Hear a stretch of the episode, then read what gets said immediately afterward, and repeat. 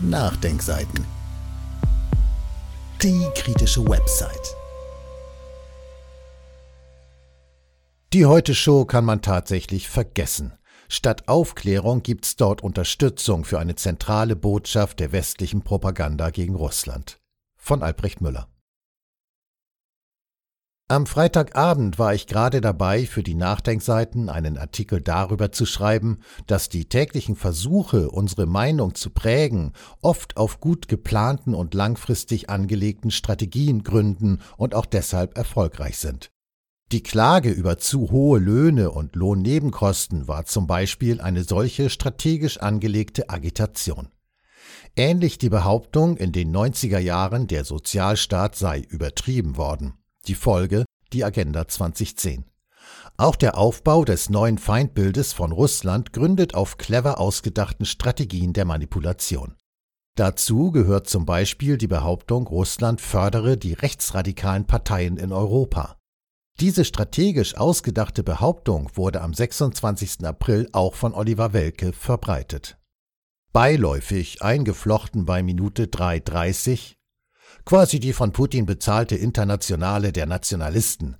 Die Europawahl entscheidet über das Schicksal des Kontinents. Quelle ZDF Heute Show vom 26. April. Aufmerksamen Nachdenkseiten Leserinnen und Lesern ist die Behauptung, die rechten Parteien Europas seien von Putin finanziert, vermutlich auch schon öfter begegnet.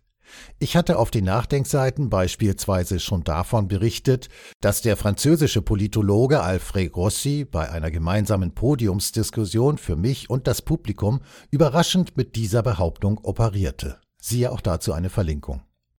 Das ist offensichtlich eine strategisch ausgedachte Behauptung, die unseren Nachbarn im Osten diffamieren soll.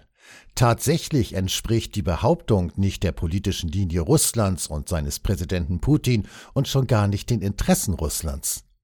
Dem Parolenverstärker Oliver Welke sei empfohlen, sich einmal die mahnenden Worte der russischen Politologin Veronika Krescheninnikova im Sputnik-Interview anzuhören und unters Kopfkissen zu legen. Zitat Russland sieht Europawahl mit Sorge.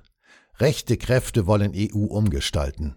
Bei der Europawahl im Mai könnten rechtsnationalistische Parteien gestärkt ins EU-Parlament einziehen. Davor warnt die russische Politologin Veronika Kraschanenikowa im exklusiven Sputnik-Interview mit Korrespondent Alexander Boos. Russland hat Interesse an einer stabilen demokratischen EU, so die Moskauer Geopolitik-Expertin. US-Berater Steve Bannon fördert rechte Kräfte.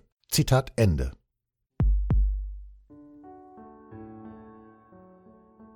Dieses Audio konnte nur entstehen, weil zahlreiche Leser und Leserinnen die Nachdenkseiten fördern und durch Spenden unterstützen. Wenn Sie auch etwas tun wollen, klicken Sie einfach den entsprechenden Button auf unserer Website an. Übrigens, Sie können uns auch bei iTunes, SoundCloud und YouTube hören und wenn Sie mögen, gerne unseren Kanal abonnieren und eine positive Bewertung für uns abgeben. Wir freuen uns über Ihre Unterstützung und die Weiterverbreitung unserer Inhalte.